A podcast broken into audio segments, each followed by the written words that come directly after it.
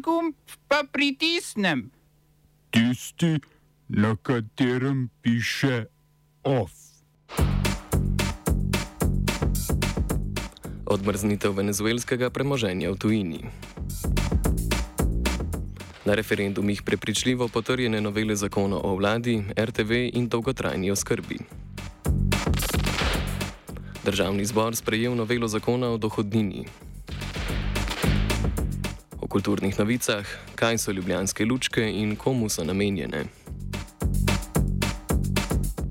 V akademskih 15 zasedba univerze na Dunaju.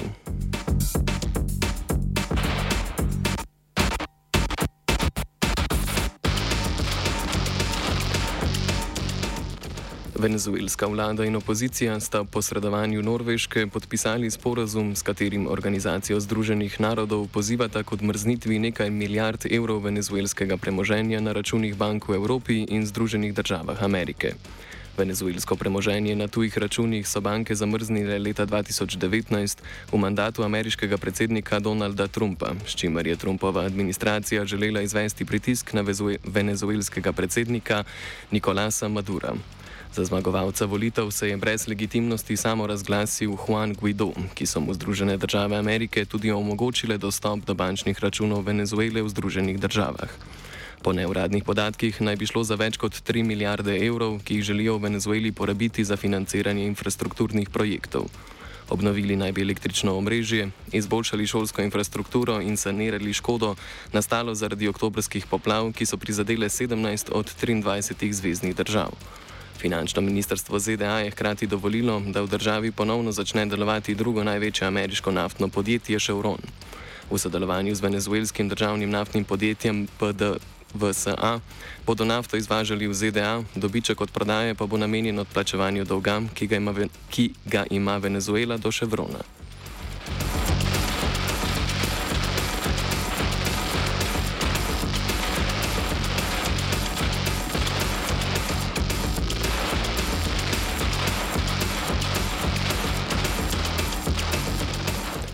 Predsednik Likuda ben Benjamin Netanjahu je podpisal koalicijski sporazum s krajno desnima strankama Noam in Ocma Jehudit. Stranki sta na prvonovembrskih parlamentarnih volitvah na skupni listi kandidirali še z versko-zionistično stranko. Homofobni Noam ima v Knesetu enega poslanca, protiarabski Ocma Jehudit pa šest. V skladu s koalicijskim dogovorom bo njihov predsednik Itamar Ben Gvir prevzel Ministrstvo za nacionalno varnost. Likud ima v 120-članskem izraelskem parlamentu 32 poslancev, desni blok pa je skupaj dobil 64 poslanskih mandatov.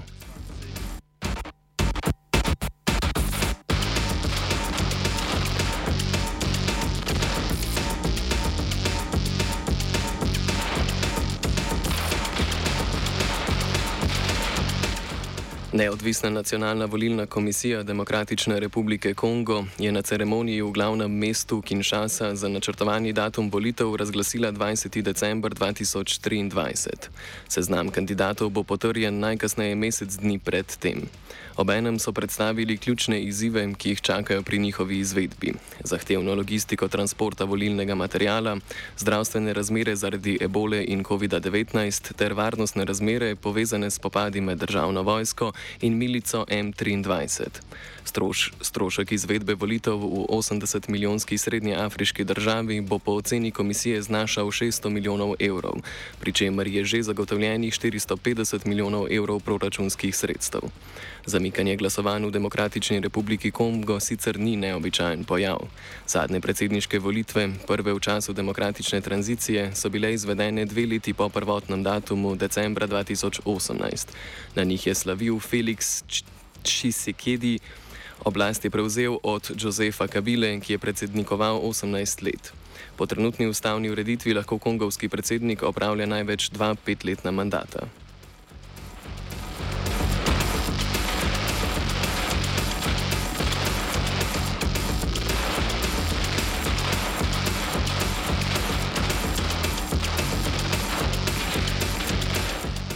Malavijska protikorupcijska komisija je aretirala podpredsednika države Saulasa Čilimo.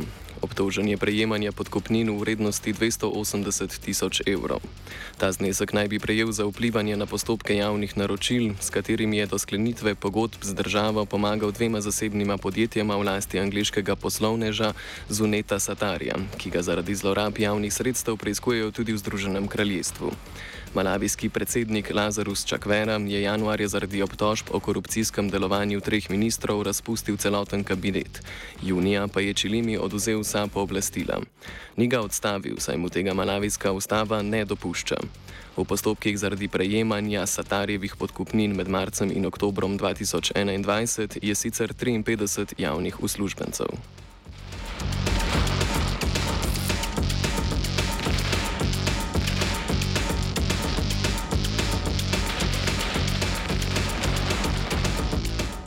Avstrijski minister za notranje zadeve Gerhard Karner je Evropsko unijo pozval k uvedbi azilnih postopkov v varnih tretjih državah, sklicujoč se na modela Združenega kraljestva in Danske. Poziv je izrazil na izrednem zasedanju Sveta Unije za pravosodje in notranje zadeve, na katerem so ministri razpravljali o novem akcijskem načrtu Komisije za mediteransko migrantsko pot. Tako Združeno kraljestvo kot Danska želita migrante deportirati v Ruando, kjer bi procesirali njihove prošnje za mednarodno zaščito. Državi tega sicer še ne izvajata. Na zasedanju, ki je bilo sklicano v luči spora med Italijo in Francijo glede prevzema skrbi za begunce na ladjah, so ministri pozdravili novi akcijski načrt komisije. Načrt predvideva 580 milijonov do konca naslednjega leta za eksternalizacijo evropskih meja, torej za države kot so Libija, Tunizija in Egipt, in njihovo preprečevanje odhodov beguncev na sredozemsko pot. Poleg tega je v načrtu boljša koordinacija pri, pri prevzemanju skrbi za ladje z migranti. Na, na zadnje načrt predvideva uveljavitev prostovoljnega solidarnostnega mehanizma, po katerem naj bi manj obremenjene države članice od bolj obremenjenih prevzele prosilce za azil. Vendar prostovoljna solidarnost v tem primeru pomeni tudi, da lahko države, ki ne želijo prevzeti prosilcev za azil, namenijo več sredstev za eksternalizacijo evropskih meja.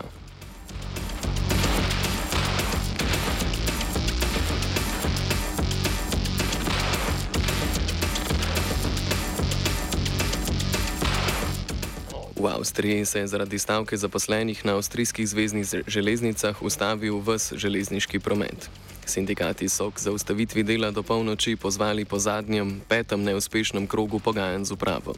Na njem so se sindikalisti zauzemali za povprečno 12-odstotni dvig plač, ki bi 50 tisoč zaposlenim zagotovil 400 evrsko povišico in tako omilil 11-odstotno inflacijo v državi.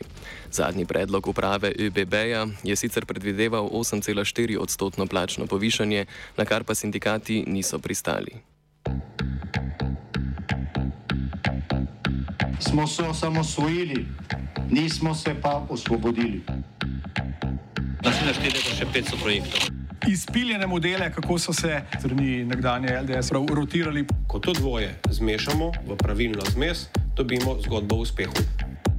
Takemu političnemu razvoju se reče udar. Jaz to vem, da je nezakonito, ampak kaj nam pa ostane? Brutalni obračun s politično korupcijo.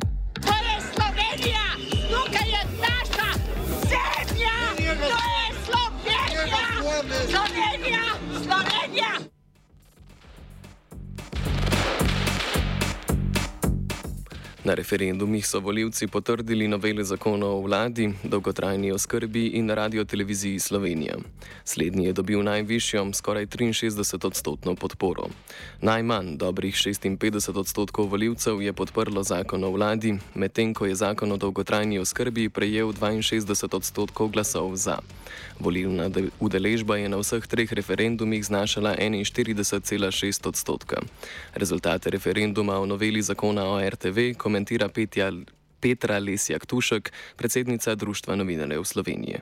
Društvo novinarjev Slovenije smo vsekakor zadovoljni, da je prepričljiva večina voljivcev eh, prepoznala prizadevanja tudi naša za neodvisno, profesionalno, etično javno RTV in da v bistvu imajo vsa ta dolgotrajna prizadevanja že prej pri STA-ju, zdaj pa tudi pri RTV-ju neko širšo zaslombo civilne družbe oziroma voljivcev. Eh, vsekakor se mi zdi to neko pomembno nadaljno izhodišče za spremembe na RTV-ju, ki so nujno potrebne že nekaj časa spremljamo, da je situacija alarmantna, novinari stavkajo, ne morejo upravljati svojega dela in v bistvu se hkrati pač postavlja tudi vprašanje, ali ni zdaj pa res čas za to, da programski svet, vodstvo in tudi odgovorna urednica odstopijo glede na tako veliko in visoko izraženo nezaupanje, po mojem tudi njim.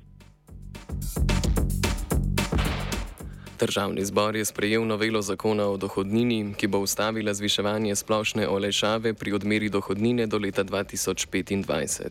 Splošna olajšava se bo januarja na mesto na 5500 evrov zvišala na 5000 evrov. Zvišanje na 7500 evrov do leta 2025 pa se odpravljajo.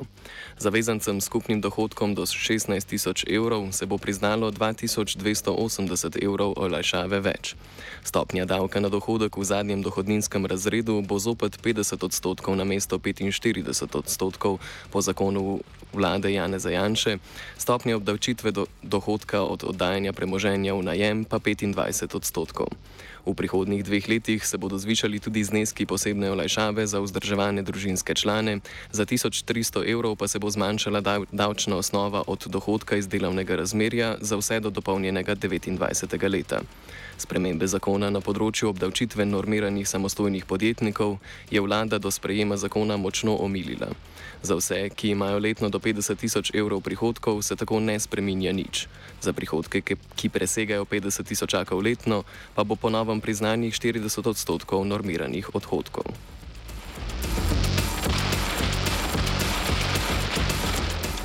OF je pripravila Vajenka Hanna, mentoriral je Fabian.